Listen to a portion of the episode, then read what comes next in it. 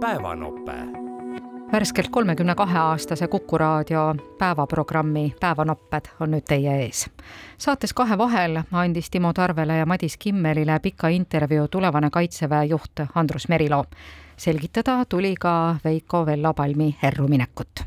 kindralmajor Palmi lahkumine Kaitseväe tegevteenistuses on loomulikult väga halb uudis meile kõigile, kaasa arvatud mulle isiklikult, sellepärast et me oleme olnud temaga relvavennad kogu teenistuse käigu, oleme teeninud koos erinevatel ametikohtadel, oleme õppinud ja lõpetanud sama kooli Soomes aastase vahega ja õppinud koos kahekesi eestlastena siis ka Soome tankikoolis. ehk me oleme läbi kogu karjääri üksteist sõna otseses mõttes toetanud ja kogu meie suhtlus on olnud siiral vastastikusel austusel. ehk siis eilne uudis tuli avalikkusele loomulikult üllatusena aga me kindral Palmiga rääkisime erinevaid asju läbi ka varem ja kahjuks eile siis see formuleerus äh, lahkumisavaldusena. eks Kaitsevägi kindlasti kaotab, riik kaotab ja ma arvan, et äh, kõige suurem viga, mida võib-olla mina antud asjas tegin, on see, et ei suutnud oma relvaenda kaitsta selle rünnaku eest. Teil on see hea võimalus kindlasti teha, kas kindralmajor Palmi otsus inimesena on teile mõistetav? Ja inimesena ma saan sellest väga hästi aru ja me oleme ka omavahel erinevaid eh, teemasid rääkinud avatult, nii nagu me alati teinud oleme. et seega inimesena on see väga selgelt mõistetav. Te olete ka välja toonud lisaks sellele, et tulevik on keeruline, on kõige soovitu väljaarendamisel meil hirmus kiire. mida silmas täpsemalt peate? tänane olukord on nii-öelda meie jaoks mõnes mõttes sõjalises võtmes on, on hea, kõlab, kõlab natuke kummaliselt, aga Ukraina sõja eskalatsioon kaks aastat tagasi on, ongi toonud ju meid avalikkuse ette, ehk siis see, mida on räägitud aastakümneid Eesti Kaitseväes, on kahjuks osutunud tõeks. ehk siis meie naaber on mitte ainult valmis, vaid tal on tahe ja võime ka rünnata üsna märkimisväärset sõjalist jõudu enda lähipiirkonnas, milleks Ukraina on. ehk siis täna ikkagi me oleme jõudnud sinna punkti, kus kus tuleb teha kõik, mis vähegi võimalik, et veenda meie vastast, et sõda ei ole mõistlik pidada ei Eesti ega NATO vastu ja see ongi see, mida me lähiaastatel peame saavutama, sest oht iga päevaga kasvab. kõik spekulatsioonid, mida me kuuleme, et Venemaa vajab kolm, viis, kaheksa aastat ennast üles uuesti töötada, see minu arvates on natuke vale tõlgendus. Venemaal pole mitte mingit põhjust anda meile aega ennast ette valmistada olukorras, kus tema täna nii-öelda kontrollib ja suudab lääne ühtsust mõjutada läbi sõna otseses mõttes hirmu külvamise. ja selle tõttu mina arvan, et äh, meil on aega pigem vähem kui rohkem. ta võib iga hetk tulla? ta võib iga hetk tulla, seda me ei oska kunagi öelda, sellepärast et äh, ega sõjaline rünnak ei tähenda ainult seda, et T seitsekümmend kaks sõidab üle Narva jõe, vaid seal on mitmeid hoopis teistsuguseid vahendeid, mida me ka näeme Ukrainas ja veelgi enam, tänased konfliktid ei ole alati ainult sõjalised rünnakud, vaid seal sees on ka väga palju muid asju. Ja piisab, kui me ringi vaatame, näeme, et mis toimub ka muudes valdkondades üle Euroopa. Ja väga selgelt on näha, et väga paljud nendest tegevustest toetavad ka äh, Vene nii-öelda tegevusi selleks, et killustada just nimelt meie ühtset mõtlemist ja ühtset otsustusprotsessi kui liitlased. nii rääkis brigaadikindral Andrus Merilo saates Kahe vahel poliitikakuru saates arutati muude teemade hulgas aga Narva haiglajuhi kohalt kangutamist. loo võttis kokku Erik Moora äh, see on ikkagi, mitmes mõttes on see ikkagi seda Keskerakonda ja, ja nüüd siis uut või Kõlvarti Keskerakonda defineeriv sündmus. et kui äh, algusperioodil äh, siin äh, Kõlvartile tehti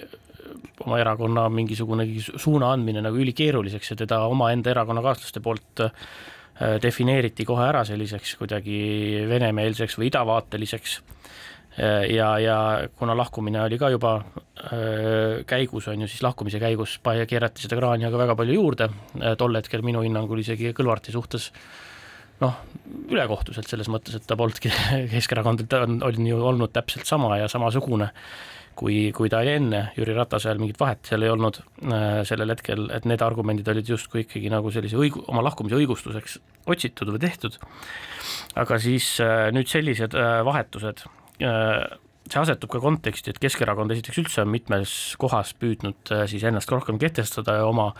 natuke tuntumatele poliitikutele kohti tekitada, et, et kõigepealt ju ikkagi Katri Raigi enda taandamine Narvas toimus nende initsiatiivil, aga ka siin eelmisel nädalal Lüganuse vallas äh, sai vallavanemaks äh, Dmitri Dmitrijev, äh, siis isamaalasest senise vallavanema asemel. Ja alles hiljuti mõne kuu eest sai Vinni vallavanemaks, mida paljud on, polegi võib-olla märganud, aga Erki Savisaar,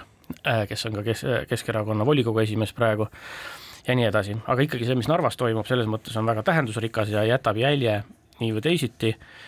Ja, ja noh, selles valguses näeb see vahetus ikkagi ka väga vilets välja, sest see on puhtalt poliitiline vahetus äh,, mingisu-, mingisugust sellist sisulist juhtimist ei ole haigla äh, tegemistes uus nõukogu püüdnudki täita või teha, äh, nad ei olegi suhelnud äh, haigla juhtidega või, või doktor Kõrgveega, praktiliselt haigla majandus näitajad on olnud korras, need on ka auditeeritud, mitte siis kahe tuhande kahekümne kolmanda aasta näitajad, aga kahe tuhande kahekümne teise aasta andmed ja auditis mingisuguseid etteheiteid ei ole tehtud ja noh, et ühesõnaga see kõik on väga otsitud, väga tehtud, äh, väga mitmetel nagu küsitavatel põhjustel, millest üks on ilmselt eestikeelse, eesti keele nõude jälgimine, äh, kahtlustada võib, põhjust on kahtlustada ka seda, et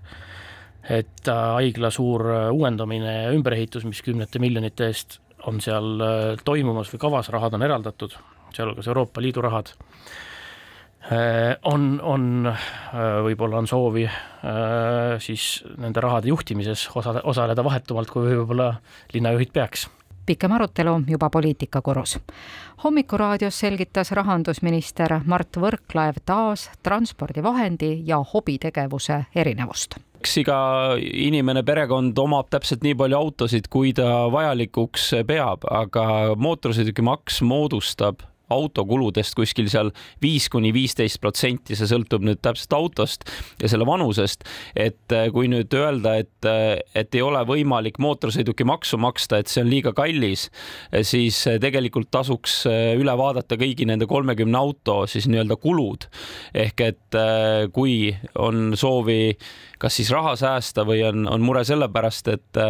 et et, et need on liiga nii-öelda kallid, siis selle autopargi muu kulu peab olema ilmselgelt suurem, et võib-olla see on hea koht nendele kuludele otsa vaadata, aga loomulikult igaüks teeb ise oma valikud, et kui nendel, sellel perekonnal on tunne, et on vaja kolmkümmend autot omada, siis mootorsõidukimaksu nii-öelda osakaal sellest kogu autokulust on ikkagi tegelikult, ma ütleks, suhteliselt väike. kas te ei arva, Mart Võrklaev, et kasutatud autode, võib-olla selliste just vanemate, ma ei kujuta ette, Volkswagen Passat ja kõik muu laadne kahe tuhandete algus hakkab buumima just sellel põhjusel, et automaks on neile ju laias laastus odavam kui ikkagi mõnele uuele uhkemale ja võib-olla isegi säästlikumale autole. No me oleme selles mootorsõidukimaksu eesmärk on, et autostumist linnades eeskätt vähendada ja et me sõidaks säästlikema autodega, aga me oleme pidanud leidma tasakaalu selle vahel, et me tahaks, et meil oleks uuemad ja säästlikumad autod, aga teisalt see, et meie ühiskonnas kõigil inimestel ei ole võimalik soetada kohe uut ja säästlikku. ehk et loomulikult see nii-öelda vanematele autodele maksusoodustuse tegemine töötab nii-öelda sellele keskkonnaeesmärgile vastu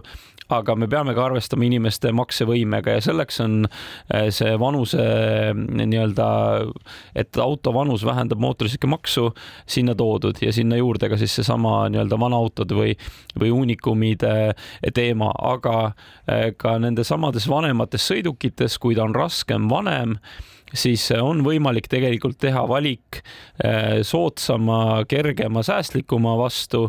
ja sellega ka mootorsõidukimaks on eh, inimese jaoks väiksem ja mis kõige tähtsam, ma arvan, üldkulud väiksemad, kasvõi seesama kütusekulu, sest veel kord, mootorsõidukimaks on seal kuskil viis kuni viisteist protsenti auto üldkuludest. kindlasti on neid, kellele see maks ei meeldi eh, ja, aga nad saavad aru võib-olla, miks seda tehakse ja, ja siis äh, on need, kes elavadki ennast välja